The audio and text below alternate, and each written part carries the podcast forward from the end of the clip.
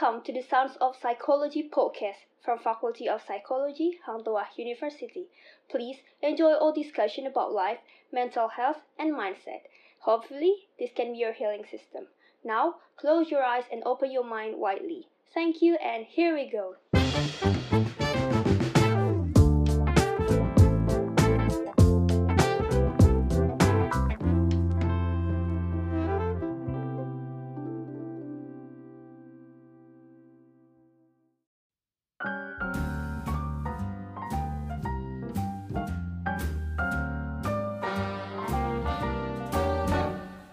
Halo sahabat psikologi, kembali lagi di Sound of Psychology Podcast. Pada episode terakhir, nah di sini nih episode yang spesial nih. Kali ini kita akan ngebahas yang mungkin semua orang dan salah satu di antara kalian pasti pernah ngalamin nih. Nah, kali ini kita akan ngebahas tema tentang persahabatan lawan jenis pakai hati nggak sih?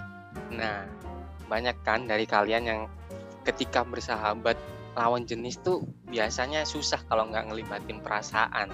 Nah, kali ini aku udah datengin dua narasumber dari pihak cowok dan cewek yang tentunya mereka berdua ini udah apa ya, udah expert lah di bidang pertemanan lawan jenis ini.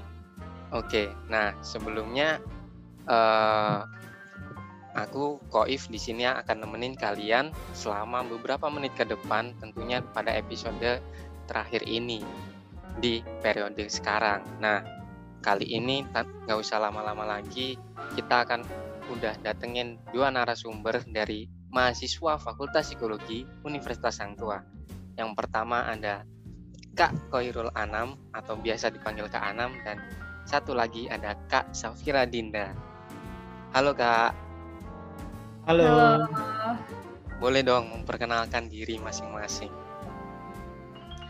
Uh, Oke. Okay. Mungkin perempuan dulu. Gitu ya. Ayo udah deh.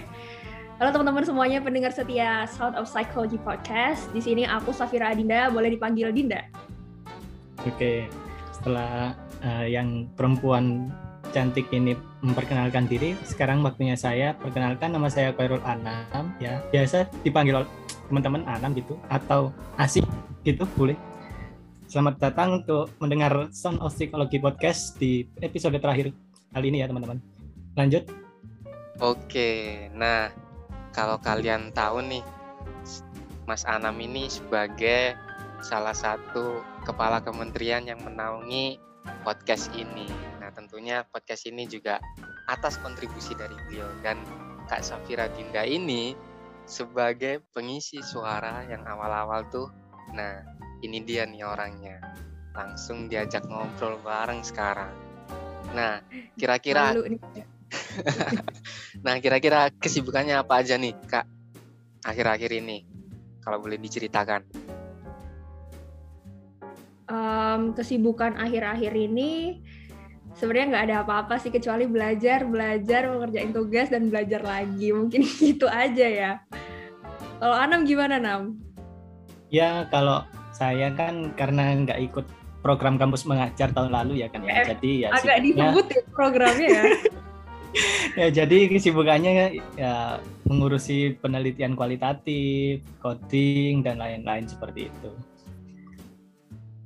Oke. Okay. Oke okay, oke. Okay keren-keren banget dan bisa dibilang apa ya aktif-aktif banget lah. Nah dari keaktifan-keaktifan kakak-kakak ini kan pasti pernah nih punya sahabat cewek ataupun cowok ya, terutama di lingkungan kampus mungkin. Nah sebelumnya aku mau nanya nih, apa sih definisi atau arti pertemanan menurut kalian berdua? Mungkin dari Kak Anam dulu deh. Oke, baik. Uh, dari saya sendiri, uh, teman itu sesuatu uh, hubungan yang di mana itu kita itu membutuhkan bantuan atau membutuhkan kehadiran dari sesosok individu yang kita inginkan. Jadi uh, hubungan teman ini awalnya berasal dari kebutuhan berafiliasi atau bisa disebut dengan kebutuhan untuk mendapatkan kehadiran orang lain seperti itu. Jadi uh, hal ini bisa berkelanjutan atau interaksi sosialnya ini bisa uh, berkelanjutan tiap harinya dan menghasilkan hubungan interpersonal atau bisa disebut dengan pertemanan seperti itu. Oke, menarik sekali jawaban yang cukup teoritis dari Mas Anam. Mungkin kalau dari Kak Dinda sendiri gimana nih arti pertemanan? Oke, jadi sebenarnya kalau misalnya kita tarik nih dari teori yang udah disebutin sama Kak Anam tadi itu ada need of affiliation gitu ya. Karena sebagai manusia nih ya, sebenarnya kita tuh pasti butuh teman. Teman itu tuh nggak mesti seseorang yang kita intu banget, misalnya kayak ikatan emosinya kuat banget. Kayak misalnya dia nangis, kita ikut nangis, dia sedih, kita ikut sedih gitu ya. Kalau teman tuh biasanya nggak kayak gitu. Teman itu kayak orang yang ada di hidup kamu, kamu mengenal dia, dia mengenal kamu, dan itu bisa menjadi teman gitu loh. Terus juga kalau menurut KBBI ini, teman itu adalah pelengkap atau pasangan kayak gitu sih. Oke oke, nah tadi kan juga seperti yang udah dijelasin tadi kalau teman tuh ya apa ya istilahnya orang yang orang yang saling membutuhkan satu sama lain gitu ya. Nah kan uh, di judul kita ngebahas tentang persahabatan. Nah, kalau sahabat sendiri tuh gimana sih? Apakah sama dengan pertemanan atau berbeda? Mungkin dari Kak Dinda dulu deh. Oke, okay. uh, eh, sahabat itu sama nggak sih sama teman gitu ya?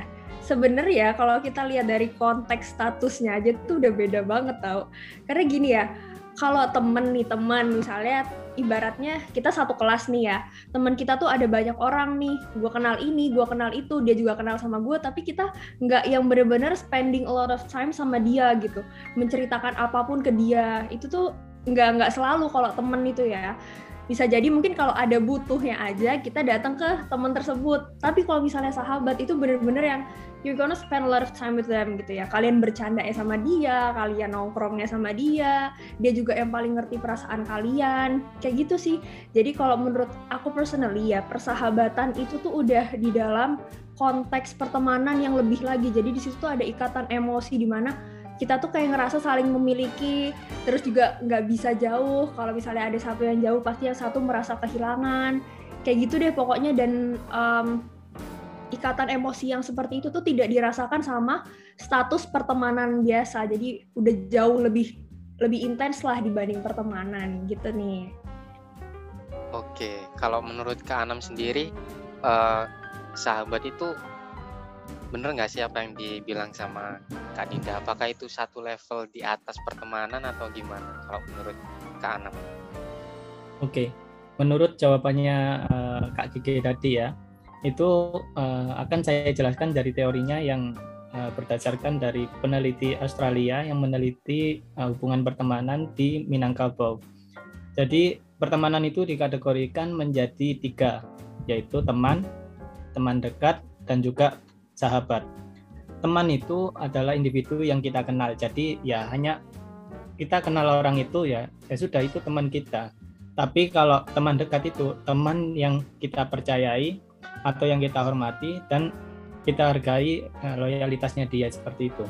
Lalu untuk sahabat sendiri itu hubungan hubungan sukarela yang memiliki keintiman, saling menolong dan kedua individu saling menginginkan kehadiran sahabat dalam hidupnya. Jadi ya saling bergantung. Jadi ya pertemanan itu ada levelnya sendiri. Teman teman itu hanya orang yang kita kenal. Kalau teman dekat itu teman yang kita percayai, sedangkan sahabat itu ya teman yang ingin kita uh, uh, hargai dia itu ingin uh, masuk ke kehidupan ke, masuk ke kehidupan kita dan kita juga ingin masuk ke kehidupannya dia seperti itu. Oke menarik. Justru ada tiga level pertemanan ya tadi yang sudah dijelaskan oleh Kak Anam. Ada pertemanan biasa, pertemanan dekat, sama sahabat. Wah ini keren banget sih. Nah terus uh, menurut kalian berdua nih uh, gimana sih pertemanan eh salah persahabatan ya persahabatan kan pasti tadi dibilang kalau ada melibatkan suatu emosi tertentu yang nggak didapat oleh pertemanan biasa. Nah, gimana sih kalau misalkan persahabatan itu terjadi oleh lawan jenis kalian? Misalkan kalian punya sahabat cowok atau sahabat cewek. Dari kalian sendiri, pada punya nggak sih sahabat cowok atau sahabat cewek? Jujur gue punya. Kalau Kanam punya nggak?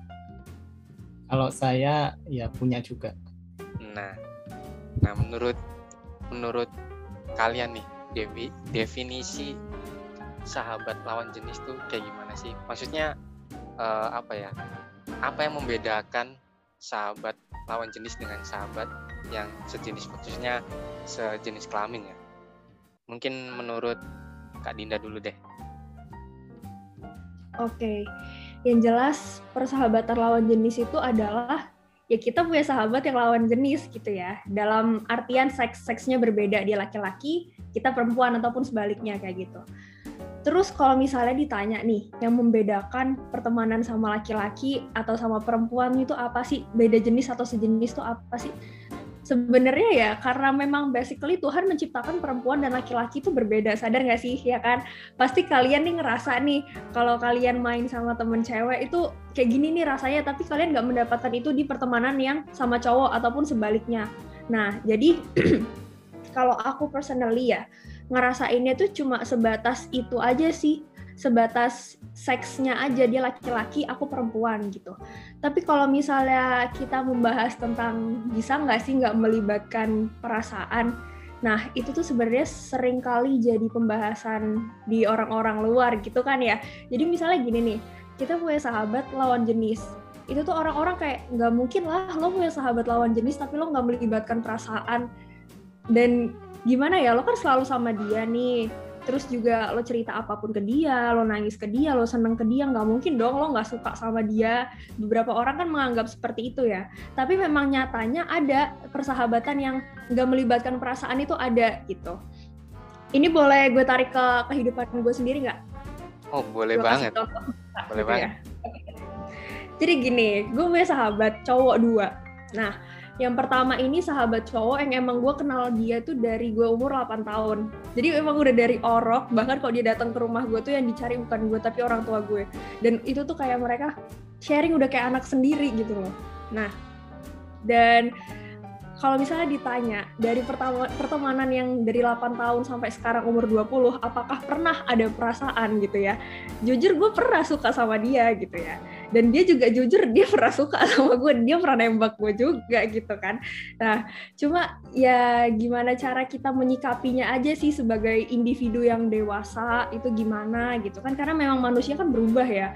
Bisa jadi lo jatuh cinta sama orang yang lo benci itu tuh memungkinkan gitu kan. Apalagi sahabat lo sendiri gitu. Jadi ya emang wajar kalau emang nantinya tuh lo bakal bisa suka gitu sama sahabat lo sendiri. Nah terus itu singkat cerita lah ya gitu. Terus yang kedua nih gue punya juga sahabat laki-laki tapi yang ini tuh beda. Gue nggak pernah sama sekali suka sama dia dan dia juga nggak pernah sama sekali suka sama gue. Kenapa? Karena sahabat gue satu ini adalah penyuka sesama jenis. Jadi gue mau dandan kayak gimana pun gue mau secantik apa pun di depan dia dia nggak bakal suka sama gue gitu. Karena emang ya orientasi seksualnya berbeda gitu. Dan menurut gue nggak ada yang salah sih dari berteman atau bersahabat dengan lawan jenis asalkan lo masih ngerti gimana sih batasan-batasannya gitu dan menurut gue ya enjoy enjoy aja sih berteman sama orang yang suportif gitu kalau menurut lo gimana nam Oke, okay. kalau menurut kalau menurutku ya kita bahasnya dari pertemanan laki-laki sama laki-laki dulu ya. Kalau pertemanan laki-laki sama laki-laki itu kan melibatkan aktivitas atau kegiatan ya yang mereka sukai bersama lah. Nah, sedangkan kalau uh, hubungan antara perempuan dengan perempuan itu mereka memiliki uh, hubungannya itu yang berdasarkan dengan simpati. Jadi kayak sering curhat-curhatan gitu. Nah, kalau dari kedua itu mereka uh, antara laki-laki dan perempuan berteman. Nah, laki-laki itu mencari dukungan emosional dari perempuan tersebut. Kan si perempuan ini ya simpat uh, memiliki simpati yang uh, tinggi ya. Dia juga uh, memberikan dukungan sos, uh, emosional kepada si laki-laki. Jadi kayak si laki-laki ini puas gitu loh mendapatkan dukungan emosional. Kalau ke laki-laki ya, alah ngapain sih kamu sedih kalau ada masalah ya kan kalau cerita sama laki-laki? Pasti digituin. Tapi kalau sama perempuan udah jangan sedih masih ada lagi kok. Kan mesti mesti kan seperti itu kan ya. Iya bener bener bener bener. Iya tuh gue kerasain juga tuh nama yang kayak gitu nam karena gini ya ya balik lagi kayak gue bilang tadi kan cewek cowok itu emang diciptakan berbeda for example nih gue lagi digangguin sama orang kalau misalnya gue berteman sama laki-laki mereka bisa jagain gue gitu kan nah sebaliknya juga kalau misalnya si laki-laki ini butuh untuk butuh teman cerita yang ngerti banget perasaan yang peka. Biasanya kalau sama teman-teman cowok kan dibuat bercandaan kayak yang lo bilang ya. Sementara teman cewek itu bakal lebih mendengarkan. Nah itu sih perbedaannya juga ya karena emang basically perempuan dan laki-laki itu diciptakan untuk saling kayak apa ya melengkapin gitu kan. Jadinya persahabatan dan perempuan itu bisa menimbulkan perasaan itu bisa banget gitu. Iya, cuman di sini tuh masalahnya uh, ada stere stereotip dari masyarakat itu bahwa hubungan antara laki-laki dan perempuan itu seperti tidak memungkinkan gitu loh. Pasti ini hubungan romantis atau enggak pacaran seperti itu. Itu yang masalah di masyarakat sekarang. Oke oke, menarik banget tadi. Sempat agak speechless ya dengan pengalamannya Kak Dinda yang sempat bersahabat dengan temannya yang ya seperti itulah. Oke. dan juga uh, ya bener sih emang kalau misalkan punya sahabat cowok sama cewek itu pasti kita tuh apa ya istilahnya pasti kalau sahabat cowok tuh punya pemikirannya sendiri kalau sahabat cewek juga sama punya sudut pandang sudut pandangnya sendiri terutama kalau dalam menyikapi suatu masalah. Jadi kita bisa menerima dua advice dari dua sudut pandang antara cewek sama cowok sih. Biasanya kalau kita curhat ke sahabat cewek atau cowok kayak gitu. Nah kalau misalkan nih ketika mungkin dari Kak Dinda sama Kak Anam misalkan udah punya pasangan masing-masing terus uh, tapi curhatnya kayak misalkan ada apa-apa tuh lebih deketnya ke sahabat lawan jenisnya. Nah itu gimana menurut uh, kalian? Pernah nggak ngalami di situasi tersebut dan gimana cara mengatasi hal tersebut? Apakah uh, pacar kalian memahami atau mungkin justru malah dibuat masalah atau gimana? Mungkin dari Kak dulu yang mungkin sedang berpacaran saat ini Ihiu. yuk um, silakan okay. ya uh, kalau masalah itu yang pertama yang harus kita lakukan yaitu ya kita mengenalkan sahabat perempuan kita uh, kepada kekasih ya kepada pacar atau kekasih kita agar ya mereka itu saling mengenal dan paham gitu antara batasan teman dan uh, hubungan romantis itu seperti apa. Jadi ya di antara mereka berdua itu nggak ada kayak konflik kamu suka sama dia ya, kamu suka sama dia ya, gitu kan nggak nggak mungkin kan, nggak mungkin terjadi kalau mereka udah kenal. Jadi ya kita berikan sebuah pemahaman antara kedua perempuan ini antara sahabat dan kekasih itu itu yang yang perlu digarisbawahi. Oke, berarti dikasih lebih dikasih pengertian dan dikenalin di awal ya, biar nggak jadi salah paham gitu ya. Kalau Kak ya, Dinda sendiri gimana kan? Tadi pertanyaannya uh, kalau misalnya udah punya pacar masih nggak sih curhat-curhatan sama sahabat cowok gitu ya? Iya. Jujur saya saat itu sangat iya gitu. Jadi waktu punya pacar nih ya kan, itu tuh gue pasti cerita nih ke sahabat gue kan, eh gue suka nih sama orang ini. Nah dia pasti karena dia laki-laki dia bantuin screening kan kayak, lu jangan sama yang inilah atau ya udah deh coba aja lu sama yang ini. Karena kan dia cowok juga ya pasti ya kurang lebih mengerti lah gelagatnya laki-laki kayak gitu kan. Nah terus uh, gue juga memperkenalkan sahabat gue ini ke cowok gue dari sebelum gue jadian bilang gue punya sahabat cowok nih kayak gini kayak gini. Terus ya mungkin karena emang si mantan gue aduh kan jadi kesebut kayak gimana gitu ya. Jadi ceritanya mantan gue nih mungkin karena emang saat itu dia juga lagi PDKT sama gue jadi dia ngeresponnya kayak oh ya udah nggak apa-apa kalau punya sahabat cowok kayak gitu. Tapi apakah itu dipermasalahkan saat sudah ada dalam hubungan? Jelas sangat dipermasalahkan kayak gitu ya. Walaupun gue dari awal udah bilang nih gue punya sahabat cowok sampai one day gue gue cerita nih sama sahabat cowok gue kalau gue lagi berantem sama pacar gue nah pacar gue marah gara-gara kayak kalau ceritanya ke dia sih? Gitu. Padahal di dalam artian gue berantem sama pacar gue masa gue cerita ke pacar gue juga kan nggak mungkin ya. Ya gue ceritanya ke sahabat gue gitu. Dan dia tuh sebenarnya cemburu. Dan akhirnya ya pacarnya yang mengakui kalau dia cemburu gue punya sahabat cowok. Tapi cowok gue akhirnya juga kayak ya gimana orang gue di sahabatan tuh dari lama jadi dia mulai mengalah gitu sih. Karena sampai saat ini um, gue udah jomblo bertahun-tahun juga kan setelah putus sama yang itu. Aduh jadi curhat mohon maaf. Tapi itu sampai saat ini juga gue masih bersahabat sama sahabat gue yang itu. Dan sekarang dia udah punya pacar lagi dan dia juga setiap punya pacar selalu ngasih tahu kalau dia punya sahabat cewek yaitu gue. Gitu itu kak Koif. Oke berarti intinya untuk menghindari kesalahpahaman lebih baik dikenalkan dulu di awal dan dijelaskan bahwa dia itu sahabat kita. Seperti itu bukan? Iya ya, benar dan kalau dijelasin pun juga kadang suka jadinya tetap aja gitu kan tetap aja cemburu tetap aja salah paham gitu. Apalagi kalau nggak dijelasin sobat. Oke berarti semua juga butuh penyesuaian mungkin ya.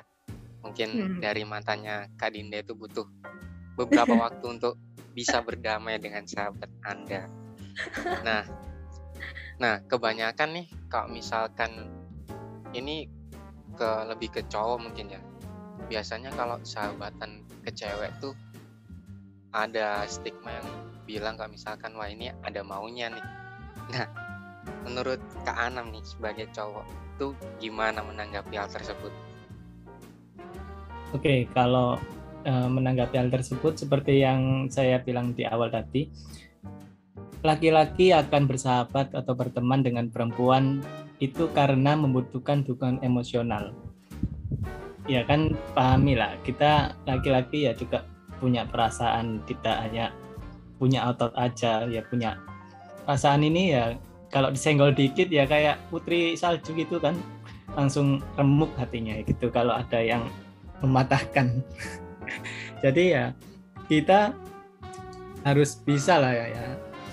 Mengerti uh, kenapa orang itu bisa berkata eh kamu pasti ada maunya dengan dia. Karena yang dia pikirkan itu ya namanya juga pertemanan antara laki-laki dan perempuan ya pastinya kalau nggak suka pasti dia mendekatinya karena fisik.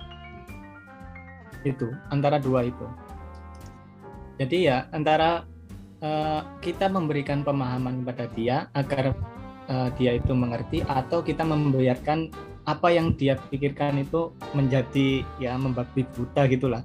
Jadi kayak berprasangka buruk kepada kita. Jadi ya kalau saya bodoh amat mendengari mendengarkan omongan-omongan dari mereka seperti itu. Oke oke. Nah ini mungkin lebih ke apa ya namanya ya udahlah ya. Ter, pokoknya kan niat kita kan nggak kayak yang orang lain ngomongin gitu kan? Benar. Nah nah kalau buat kak Dinda nih uh, misal nih kita uh, apa ya sahabatan tuh deket banget sama cowok. Misalkan sahabatan dengan cowok gitu ya. Deket banget. Terus orang-orang anggap wah kayaknya pacaran nih. Terus sampai-sampai bahkan ada ya kayak tadi ada omongan. Terus uh, misal nih ada cowok lain gitu ya yang mau ngedeketin tuh jadi minder karena ngelihat kedekatan Kak Dinda sama sahabat cowoknya. Nah, menurut Kak Dinda gimana tuh? Um, sebenarnya masih belum pernah, jujur masih belum ada di titik itu sih yang kayak cowok ngedeketin terus minder akhirnya nggak jadi karena emang um, gue pacaran itu udah lama banget kan, udah beberapa tahun yang lalu terakhir, dan itu posisi udah punya sahabat dan dia nggak ngerasa minder, nggak ngerasa minder sama si sahabat gue ini, jadi dia ya ya udah digas aja gitu waktu ngedeketin gue kan. Tapi kalau misalnya jujur nih beberapa orang-orang banyak yang bilang kayak kalau deket banget sih sama dia? Emang lo nggak takut nanti lo nggak ada nggak ada cowok yang ngedeketin? Kayak gitu ya. Terus gue mikirnya kayak ya I do whatever I want. Kalau misalnya gue nyaman bermain sama sahabat gue dan orang-orang lain nggak bisa menerima gue yang punya sahabat cowok ya mendingan lo nggak usah jadi pasangan gue gitu. Gue mikirnya gitu karena apa? Gue nggak bisa ninggalin sahabat gue apalagi dia udah dari orok sama gue lo bayangin. Dari umur 8 tahun udah main sama gue gitu kan. Dari zamannya gue masih bukan karena fisik nam. Kayak yang lo bilang kan bisa jadi karena fisik ya. Gue main sama dia tuh dari zaman gue masih burik banget. Dan dia mau berteman sama gue gitu ya udah dari situ gue nggak bisa dong ninggalin temen gue gitu kan. Demi laki-laki yang sangat posesif bahkan gue berteman aja sama dia nggak dibolehin kayak gitu. Jadi ya dipilah-pilah aja lah. Semakin kita dewasa semakin kita ngerti kan hubungan yang toksik yang seperti apa yang baik seperti apa. Oke, ya bener ya banget ini bisa teman. dibilang uh, sahabat sejati itu. Mm-mm, bener banget. Sahabat yang nggak memandang apa pun baik itu lagi di atas baik lagi seneng ataupun lagi terpuruk harus nemenin lah istilahnya gitu. Nah ngomongin masalah sahabat lawan jenis tuh pasti udah disinggung juga ya tadi ya sempat oleh Kak Dinda terkait hubungan tan- hubungan hubungan tuh pasti ada nggak sih yang menggunakan perasaan apalagi kalau misalkan terjebak dalam situasi yang namanya friendzone. Nah, friendzone ini kan pasti eh, apa ya istilahnya? Banyak dari teman-teman di sini juga teman-teman pendengar sahabat psikologi juga mungkin pernah juga mengalami yang namanya friendzone. Nah, mungkin kalau dari Kak Anam dulu deh. Apa sih friendzone itu dan mungkin kenapa kok bisa terjadi suatu situasi yang namanya friendzone ini. Oke, friendzone ini ya, menurut kamus Oxford itu friendzone adalah sebuah situasi pertemanan di antara cewek dan cowok yang salah satunya memiliki ketertarikan romantis atau seksual terhadap yang lainnya. Jadi friendzone friendzone ini muncul karena adanya ketidakcocokan dalam perasaan romantis antara dua individu dan kebutuhan emosional kedua individu tidak terpenuhi. Jadi salah satunya itu ada yang aduh aku mulai suka nih sama dia dan yang lainnya itu ya merasa biasa aja gitu nggak nggak ada rasa suka yang ingin hubungannya itu eh, ke ranah yang lebih serius gitu mungkin nggak Dinda ada tanggapan lain seperti itu sebenarnya kalau ini karena lo bahasnya udah mulai sampai Oxford Oxford gitu ya kalau misalnya kita tarik kesimpulan dari katanya aja friend zone gitu zona pertemanan. Jadi tuh bisa ditarik kesimpulan kalau sebenarnya tuh pengen banget nih lebih dari sekedar teman. Tapi ya kita balik lagi kita tuh terjebak di dalam zona pertemanan gitu kan. Ya udah gitu jadinya. Ya udah gimana? Ya udah gitu pertemanan ujung-ujungnya. Nah, itu apa sih biasanya penyebab terjadinya friendzone? Apakah eh si cowok atau mungkin si ceweknya ini terlalu berlebihan dalam bersahabat atau mungkin gimana? Mungkin dari Kak Anam dulu. Kan eh, tadi udah dijelasin kalau friendzone ini sebenarnya pengen hubungannya lebih tapi nggak bisa kalau lebih kalau lebih malah jadi eh, apa ya istilahnya hubungan mereka malah makin hancur gitu Nah ini apa yang melandasi terjadinya situasi friendzone ini? Oke, eh, orang-orang terjebak dalam friendzone itu satu karena dia belum siap berkomitmen dengan eh, si partnernya itu. Jadi dia itu ya kan namanya temenan ya. Kalau mau komitmen temenan aja ya ya udah temenan gitu. Nggak usah melebihi temen seperti itu ya. Jadi kalau mau berteman ya berteman aja. Kalau ada perasaan lebih itu malah merusak pertemanannya dia gitu loh. Jadi yang kedua itu ada eh, kata-kata yang sering diucapkan oleh perempuan. Kamu cocok dijadikan teman bukan pasangan. Itu paling sering dikatakan oleh perempuan. Banyak perempuan kayak yang cowok juga mengatakan bilang ya kayak itu. gitu jangan jangan stereotype deh Wah debat nih, debat nih. Tapi kebanyakan seperti itu loh Kak Dinda. Oke lanjut lanjut lanjut Terus yang ketiga itu tidak mau hubungan pertemanannya itu rusak. Nah, di sini karena eh, dia ingin lebih dari teman ya kan, karena si partner ini nggak mau hubungan pertemanannya rusak ya ya udah kita temanan aja. Kamu cocoknya teman gak pasangan seperti itu ya. Lalu yang keempat tidak percaya diri dalam menjalin hubungan dengan si partner mungkin karena dia terlalu cantik atau uh, terlalu kaya latar belakangnya berpendidikan jadinya si partner ini agak kurang pede gitu kalau uh, berteman ataupun menjalin hubungan yang lebih dengan dirinya. Lalu yang terakhir ini yang paling sering terjadi sih kepribadiannya tidak cocok jadi ngobrol itu nggak nyambung ngobrol nggak nyambung tapi karena dia good looking jadinya ya udahlah temenan aja nggak apa-apa. Kebiasaan siapa kayak gitu nih. Aduh ada orang kayak gitu ya. Berteman milih harus yang cakep dulu nih. Boleh berteman sama gue kalau nggak cakep nggak bisa nih berteman. Meskipun nggak nyambung yang penting good looking ya ini. Paling penting. kalau Kak Dinda gimana Kak? Kalau aku sih ya um, penyebab-penyebab friendzone itu kalau tadi kan udah dijelasin secara teori ya sama Anam ya. Ini kalau misalnya dari point of view gue sendiri nih, gue mikirnya kalau lo di friendzone, jawabannya satu, ini agak sakit sih. Jawabannya satu, ya salah satu dari kalian itu tidak mau gitu loh, nggak mau berhubungan lebih. Entah karena nggak naksir, entah karena nggak mau merusak persahabatan, atau apa pun gitu. Karena sebenarnya ya kalau kita dewasa nih, kita tuh pasti ngerti kok, orang itu berubah. Bisa jadi nih karena kita sering bareng sama dia tiba-tiba dia suka sama kita. Ya kita balikin aja ke realitas kehidupan gitu loh. Nggak kita nggak bisa memaksa orang untuk berhenti cinta sama kita karena itu haknya dia sadar nggak sih? Jadi ya kalau misalnya nih kalau gue menyikapi sahabat gue yang pernah naksir sama gue gitu kan ya gue mendengarkan kenapa sih lo bisa suka sama gue? Gue dia menjelaskan terus gue mendengarkan gitu kan. Oke okay, dan kalau misalnya memang saat itu kita tidak bisa untuk punya hubungan di luar pertemanan atau persahabatan ya misalnya masih seperti yang Anam bilang tadi kita nggak bisa masih belum kuat untuk memegang komitmen masih belum bisa untuk menjaga dia seutuhnya dan lain sebagainya gitu ya.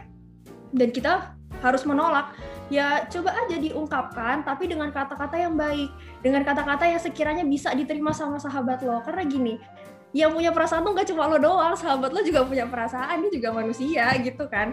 Jangan karena gimana ya karena dia suka sama lo tapi dia sahabat lo dan lo nggak mau lo bilang gini lo ngapain sih suka sama gue? Kan kita pertemanan gitu kan. Konteksnya kita sahabatan lo nggak usah suka sama gue lah. Nanti kan jadi rusak pertemanan kita. Menurut gue itu salah banget kita nggak bisa ngatur siapa yang jatuh cinta sama kita sobat. Kayak please gitu kan. Bahkan kita aja nggak bisa ngatur kita jatuh cinta sama siapa. Setuju nggak? Setuju setuju. Oh iya uh. iya Dinda. Itu uh, sebenarnya ada kebanyakan dari uh, hubungan pertemanan ini. Ada yang sudah apa ya si partner ini menyukai misalkan saya ya menyukai saya. Nah saya ini kerasa udah mulai kerasa kalau dia itu suka sama saya. Terus saya saya itu kayak nggak apa ya nggak ngerespon dia itu terlalu intens kayak sebelumnya jadi ya perlahan demi perlahan itu menjauh seperti itu apakah itu bisa dibilang sesuatu yang sikap uh, yang benar untuk menghadapi uh, situasi tersebut? Oke, okay. kalau menurut gue ya Nam ya, um, penyelesaian masalah orang kan beda-beda ya, dan perasaan mereka tuh beda-beda. Kalau misalnya sahabat lo tuh ngerasa, oh gue lebih baik kalau lo jauh aja Nam dari gue karena kalau lo deket lo malah makin nyakitin gue misalnya dia kayak gitu. Dan lo memilih untuk pelan-pelan menghilang demi kebaikannya dia dan dia juga lebih nyaman dengan cara itu ya nggak apa-apa. Itu itu baik-baik aja. Semua balik lagi ke hubungan persahabatan lo kayak gimana gitu. Karena gue kalau misalnya gue balikin ke kasus gue ya gue bilang gini ke dia gue makasih banget nih lo udah jatuh cinta sama gue lo udah sayang sama gue selama ini. Gue bener-bener makasih banget karena gue mengenal banyak orang. Gue mengenal banyak orang tapi belum tentu orang itu cinta dan sayang sama gue. Dan lo adalah salah satu orang yang bisa nerima gue yang sayang sama gue yang selalu ada buat gue. Gue berterima kasih banget atas semua perasaan yang udah lo kasih ke gue. Gue bilang gitu. Dan saat itu emang gue nggak bisa pacaran. Jadi gue ceritain ke dia kenapa gue nggak bisa dan segala macem. Dan alhamdulillahnya sahabat gue juga bukan sahabat yang toksik yang setelah cintanya ditolak dia langsung pergi marah dan lain sebagainya. Enggak kita tetap menjalin hubungan baik gitu. Padahal ya kalau misalnya boleh jujur-jujuran nih gue juga suka sama sahabat gue yang itu. Cuma balik lagi kayak yang lo bilang tadi nam ini konteksnya persahabatan dan gak mau persahabatannya kenapa kenapa gitu ya.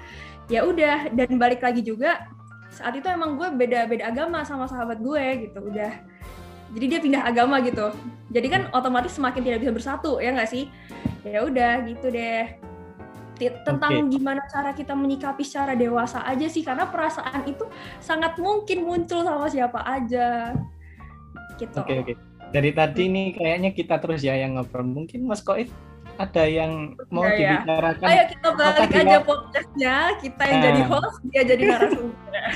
Apakah Mas Koif ini pernah berada dalam uh, friendzone dari salah satu sahabat atau temannya? uh, pernah sih, pernah ngalamin juga. Uh, waktu itu pernah punya sahabat, tapi konteksnya ini ini sih lebih ke akunya yang mungkin jadi apa ya tanda kutip korbannya gitu ya. Korban dari ini friendzone ini. Sebenarnya ya sebenarnya salahku juga sih karena terlalu menaruh harapan besar gitu menaruh perasaan juga. Waktu itu emang kita temenan deket temenannya tuh dari kita awal masuk gitu. Nah kita kayak sahabatan deket tiap malam tuh ya cerita terus sharing-sharing perlu kesah bareng curhat-curhat nangis-nangis bareng. Terus lama kelamaan kayak apa ya ada tuh timbul perasaan cuman mm-hmm. bedanya aku cuman apa ya istilahnya cuman mendem doang nggak aku ungkapin nih perasaan soalnya aku tahu mm. kalau aku ungkapin ini pasti bakal gak enak lah buat hubungan selanjutnya hmm. gitu dan ya pada akhirnya ya itu tadi akhirnya si sahabat sahabat ini sampai akhirnya punya pacar jadi ya udah kayak dalam tanda kutip apa ya ya sakit hati tapi ya udah. Kalau emang mau dilanjutin juga nggak enak buat apa ya sahabat sahabatan kita selanjutnya. Pasti kayak ada pikiran kayaknya kalau aku ngomongin bakal ditolak atau mungkin bakal apa. Intinya kayak overthinking dulu lah. Untungnya aku nggak ngomongin dan aku bisa ngejaga itu jadi ya udah akhirnya keep calm dan akhirnya perlahan-lahan agak sedikit menjauh. Walaupun sekarang uh, ya bisa dibilang udah akrab lagi tapi nggak kayak dulu gitu sih Hmm, Kalau... Nam, nam ada tisu nggak? Nam kasihan nam. kasihan ya. Cuma Apakah eh, Oke oke. Ya apa ya? Apakah Mas Koib ada rasa penyesalan karena tidak mengungkapkan nah, perasaannya? Nah itu itu itu tuh coba jawab. Ini yang penting ya. uh, apa ya? Karena saya uh, karena aku orangnya apa ya agak sedikit mungkin dalam tanda kutip malu dan kayak apa ya selalu overthinking ketika mau mengungkapkan sesuatu suatu perasaan gitu. Kalau misalkan aku bilang gini apa? Dia responnya gimana ya? Apakah aku bakal diterima atau mungkin ditolak? Pasti ada pikiran kayak gitu. Sebenarnya jelek sih ya. Harusnya nggak boleh kan kayak gitu. Tapi ya, perasaan itu pikiran itu selalu muncul ketika ingin mengungkapkan dan pada akhirnya ya hanya memendam walaupun kalau misalkan aku ungkapin juga kayaknya aku nggak bakal bisa jadi kayak gini sekarang gitu. Nggak se apa ya nggak sebahagia sekarang mungkin. Jadi ya ya udah mungkin itu udah jalan Tuhan aja kayak gitu. Jadi ya nyesel sih. Nggak pernah nyesel sih kalau nggak ngungkapin. Gitu. Kok jadi saya yang diintegrasi ini? Nggak ada penyesalan dalam konteks tidak mengungkapkan gitu ya? Iya karena apa ya? Itu juga ya. udah jadi keputusan dan kalau disesali ya berarti kita selamanya nggak akan bisa apa ya move on dari masalah itu. Jadi ya mau nggak mau itu kan udah keputusan kita kita yang ngejalanin ya udah let it go aja. Gitu Oke, bagi pendengar Sound of Psikologi yang mencari cowok dengan hati yang kuat, silakan hubungi Mas Koif. Silahkan hubungi Koif Aprilianto ya. Bisa dicari di Instagram, udah di type aja, ntar muncul paling atas gitu ya. luar biasa luar biasa luar biasa oke okay, host saya kembalikan ke Mas Koib emang apa ya emang semuanya relate sih maksudnya setiap orang pasti punya cerita persahabatannya masing-masing yang entah itu melibatkan perasaan ataupun enggak gitu ya nah terus -hmm. nih uh, ada tips nggak buat uh, sahabat psikologi di luar sana yang mungkin sekarang nih di posisi saat ini ketika kita lagi ngobrol ini mungkin ada yang lagi menaruh perasaan ke sahabatnya atau mungkin uh, ya mau mengungkapkan tapi dia takut kalau misalkan persahabatannya itu rusak. Nah apa solusinya? Apakah harus diomongin? Apakah ditahan aja biar nggak ngerusak perasaan atau gimana? Mungkin menurut Kak Dinda dulu deh Oke deh, coba ini nanti ini saran dari saya secara personally gitu ya. Nanti coba teman-teman lihat di kondisi teman-teman uh, secara individu. Memungkinkan nggak sih saran dari saya ini? Jika tidak memungkinkan, maka nggak apa-apa kok nggak dilakukan gitu ya. Um, kalau menurut saya gini, kalau kalian udah yakin nih, oh bisa, gue bisa berkomitmen, gue bisa mencintai orang ini dengan setulus hati gue, gue bisa nggak php dia, gue bisa menjaga dia, dan gue bisa ngasih komitmen yang utuh, yang jelas tentang hubungan ini, ya lo ngungkapin nggak apa-apa, ungkapin aja perasaan itu. Karena gini loh, balik lagi ya dari awal yang udah gue bilang, people does change. Manusia itu berubah gitu kan. Mungkin banget kalau punya persahabatan, terus lo suka sama dia tuh mungkin banget. Jadi ya itu wajar aja. Terus balik lagi kalau misalnya dia berubah, uh, misalnya dia nggak mau lagi berteman setelah lo mengungkapkan itu gitu ya. Ya udah nggak apa-apa karena memang people itu come and go. Ada saatnya kita itu harus ngungkapin walaupun ujung-ujungnya dia pergi. Ataupun ya nggak mau bersahabat sama kita lagi tapi satu hal yang perlu kita um, pahamin gitu ya. Kita udah ngelung, ngelung ngeluang ngeluapin gitu ya. Kita udah ngeluapin apa yang kita rasain gitu loh. Siapa tahu juga orang tersebut sebenarnya diem-diem suka sama kita atau kayak gimana kan nggak tahu nih ya. Ya udah lagian tuh ya teman-teman kalau sahabat kalian dewasa mereka nggak akan ngejauhin kalian karena kalian suka sama dia. Karena mereka tahu mencinta itu hak semua orang. Kalian nggak boleh nih bilang kayak ngapain sih lo cinta sama gue? Udahlah nggak usah gitu. Kayak ya lu siapa? gitu kan. Ya gue suka sama lo lo nggak ada hak buat buat ngelarang gue gitu. Emang setiap manusia punya hak untuk menolak ya. Jadi kalau misalnya sahabat lo menolak nih setelah lo mengungkapkan ya itu hak dia. Tapi satu hal yang dia nggak bisa melakukan itu ke kamu ya itu adalah ya dia nggak bisa bikin kamu berhenti mencintai dia gitu karena itu hak kamu. Selebihnya gimana kamu mengatur perasaanmu sendiri ya udah itu based on yourself aja. Kalian melakukan hal yang kayak gimana yang sekiranya dapat membuat uh, afeksi atau perasaan kalian itu bisa lebih baik. Kalau misalnya emang bisa diungkapkan ya nggak apa-apa diungkapkan, tapi harus satu terima konsekuensinya. Mau dia menjauh ya udah, karena sejatinya gini teman-teman, cinta itu membawa ketenangan, cinta itu tidak mengekang, cinta itu tidak menyakiti. Dan kalau misalnya kalian punya cinta yang ternyata mengekang, cinta yang di dalamnya karena terpaksa, ya itu perlu dipertanyakan itu cinta jenis apa gitu ya itu bukan cinta namanya. Jadi kalau misalnya kamu cinta sama orang kita nggak cuma belajar tentang love tapi juga belajar tentang let go. Kita juga iya kalau misalnya kita cinta sama orang memungkinkan kalau kita harus membiarkan dia mencari kehidupannya sendiri dan jauh dari kita. Gitu. Itu konsekuensinya.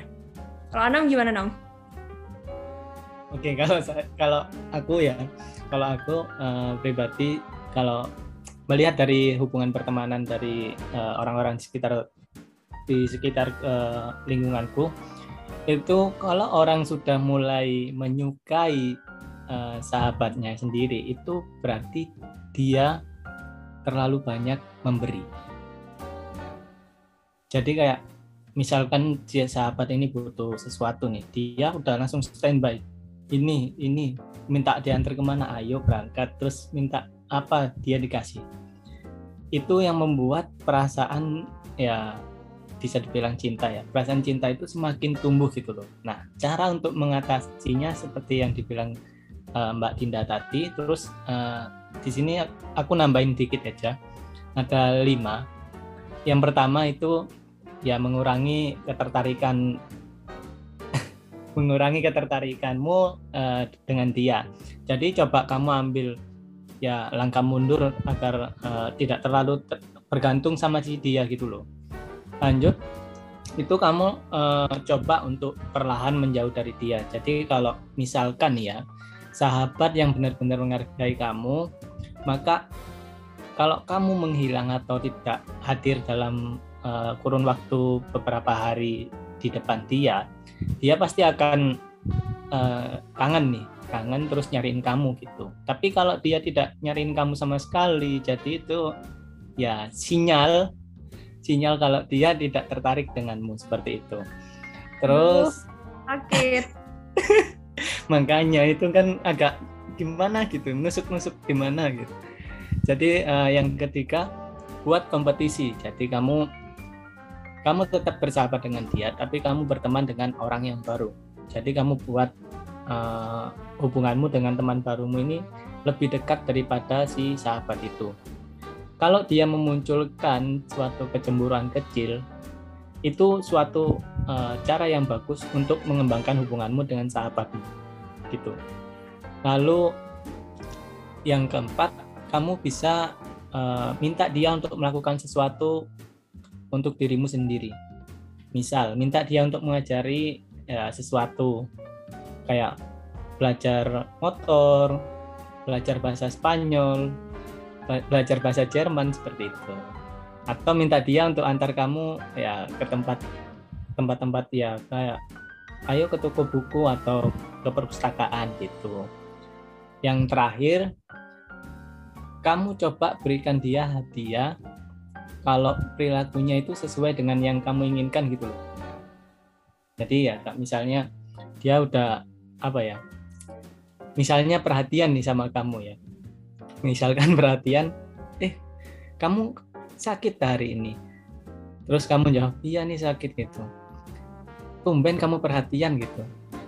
Ya, kan namanya juga sahabat gitu kan. Kalau dia bilang kayak gitu kalau dia bilang kayak gitu kamu coba beri dia hadiah gitu. Apa pun hadiahnya dalam bentuk apa pun. Mengapresiasi bentuk kepeduliannya dia kepada kita seperti itu sih. Hmm, kasih mas batangan boleh lah ya boleh saya menerima itu. Mayan ya kayaknya ya. Waduh, waduh, waduh. Nah, itu tuh tadi udah ada beberapa tips dari Kak Dinda dan Kak Anam. Kalau misalkan situasinya mungkin memungkinkan untuk ngomong, ya udah speak up aja nggak apa-apa. Karena uh, memendam itu tidak baik kawan-kawan. Karena itu bakal menimbulkan suatu gejolak di dalam hati yang selesainya itu bakal lama banget. Nah, jadi lebih baik mumpung masih ada waktu ungkapin. Tapi ya itu tadi setiap orang punya hak untuk menjawab apakah menjawab iya ataupun tidak. Itu nanti kita kita sendiri harus menerima konsekuensi yang ada. Yang penting kita kita pernah ngomong, kita pernah speak up apa pun yang terjadi, kita tinggal yang berserah diri aja sama Tuhan. Gitu sih. Uh, itu aja sih mungkin uh, pembahasan yang apa ya? Yang ya semoga aja mungkin dari sahabat psikologi mungkin ada yang dapat insight terutama aku sendiri ya. Sedikit agak tertampar dengan kata-kata beliau-beliau ini tadi sehingga mungkin ke depannya aku sendiri bisa improve lagi lebih baik lagi dalam menghadapi situasi persahabatan lawan jenis gitu. Uh, mungkin ada suatu motivasi atau mungkin kata-kata mutiara mungkin atau apa pun itu yang ingin disampaikan kepada sahabat psikologi mungkin dari ke Anam. Oke, dari aku yang pertama kalian kalau sedang uh, menjalani hubungan sahabat lawan jenis itu kalian harus pikirkan. Menurut kalian itu sahabat tersebut berharga sebagai teman atau pasangan romantis? Nah itu yang perlu kalian pikirkan dalam-dalam. Kalau kalian sudah memikirkan itu dan kalian terpikirnya dia sebagai pasangan romantis maka kalian ungkapkan dan ketika hasilnya itu tidak sesuai dengan hati atau pikiran kalian maka ya yang kalian lakukan ya terima apa adanya seperti itu dan kalian masih tetap bisa untuk berhubungan baik dengan teman atau sahabat kalian itu silakan kak Dinda tambahannya kata-kata mutiara Oke, kata-kata mutiara dari aku ya sebenarnya nggak mutiara-mutiara banget sih ya. Cuma kayak gini aja sih. Setiap hubungan, mau itu pertemanan, mau itu suami istri, mau itu persahabatan, inti dari hubungan yang baik adalah komunikasi yang baik. Dan dalam komunikasi yang baik itu harus terbuka, apa pun itu. Termasuk kalau misalnya emang saatnya kita mengungkapkan perasaan kita, ya udah selagi itu memungkinkan untuk diungkapkan, nggak apa-apa ungkapkan aja dan kalau misalnya kita harus mm, apa mengungkapkan sesuatu yang sebenarnya menyakitkan tetapi itu perlu untuk diungkapkan atau atau gimana ya perlu untuk ditahan ataupun diungkapkan itu terserah kalian gitu ya. Tapi jika memang bisa dan itu akan memperbaiki hubungan kalian ya udah nggak apa-apa. Dan satu lagi nih ya people does change. Itu aku ingetin lagi manusia itu berubah teman-teman. Jadi um, saat ini mungkin sahabat kalian tidak mencintai kalian atau bahkan saat ini kalian tidak mencintai sahabat kalian tapi bisa jadi beberapa saat ke depan setelah ini kalian kepikiran mukanya dia tiba-tiba di otak kalian habis itu kalian jadi naksir sama dia ya it's fine karena manusia itu berubah gitu kita okay. kembalikan kepada realitas kehidupan percayalah bahwa sahabat yang kamu sukai akan menyukai kamu juga pada akhirnya. Seperti itu. Oke, oke. Suatu motivasi yang cukup membuat saya juga termotivasi untuk menjalani kehidupan selanjutnya. Oke, uh, kalau dari aku sih apa ya? Ya intinya pada akhirnya ya kita harus bisa mengondisikan sih, mengondisikan situasi di mana kita sedang ngapain di situ. Kalau misalkan kita tujuannya sama dia cuma bersahabat, ya udah jadi sahabat aja. Kalau kita tiba-tiba ya emang sih perasaan kita nggak bisa salahin karena perasaan bisa datang kapan aja. Tapi ya balik lagi kita harus tahu tujuan kita dengan orang tersebut itu apa. Apakah kita hanya sekedar sahabat atau mungkin lebih? Karena juga nggak jarang juga sih orang yang dulunya sahabatan terus tahu-tahu nikah aja itu kan banyak juga yang kayak gitu dan nggak menutup kemungkinan juga kalau misalkan kalian cerita cintanya kayak gitu ya bisa jadi tapi nggak semua orang kayak gitu ada orang yang hanya menganggap bahwa ya udah kita sahabatan aja nggak usah lebih jadi intinya adalah ungkapkan apa yang ingin Anda ungkapkan sebelum Anda menyesal nantinya. Itu aja sih. Oke. Terima kasih ya. banyak buat Kak Anam dan Kak Dinda udah nyempetin ngobrol-ngobrol dan sharing-sharing mengenai tema yang seru kali ini. Thank you banget. Semoga nextnya bisa ngobrol-ngobrol lagi di tema-tema lain yang mungkin bahasanya menarik juga dan relate juga dengan masyarakat sekarang. Oke. Okay. Okay. Jangan lupa follow at Safira Dinda, A-nya yang belakang tiga ya. Ini promosi IG ya, boleh ya? Oh, boleh, silakan. Mungkin dari Kak Ana mungkin boleh promosi. Juga ya, tadi karena sudah Mbak Dinda sudah promosi IG, juga saya akan promosi. Jangan lupa untuk follow IG saya at anam underscore aku. Kalau enggak, kebalik. Nah, oke, okay, oke. Okay. itu tadi ya jangan Oke, tadi itu ya jangan lupa di follow kalau mungkin mau kenal lebih dekat dengan personality yang ngobrol karena kan kita nggak ngelihat wajahnya ya, cuma ngelihat suaranya. Mungkin bisa banget kalian kenalan di akun-akun yang udah disebutkan tadi. Ya, Oke, dan juga jangan lupa buat kalian terus dengerin Sound of Psychology Podcast.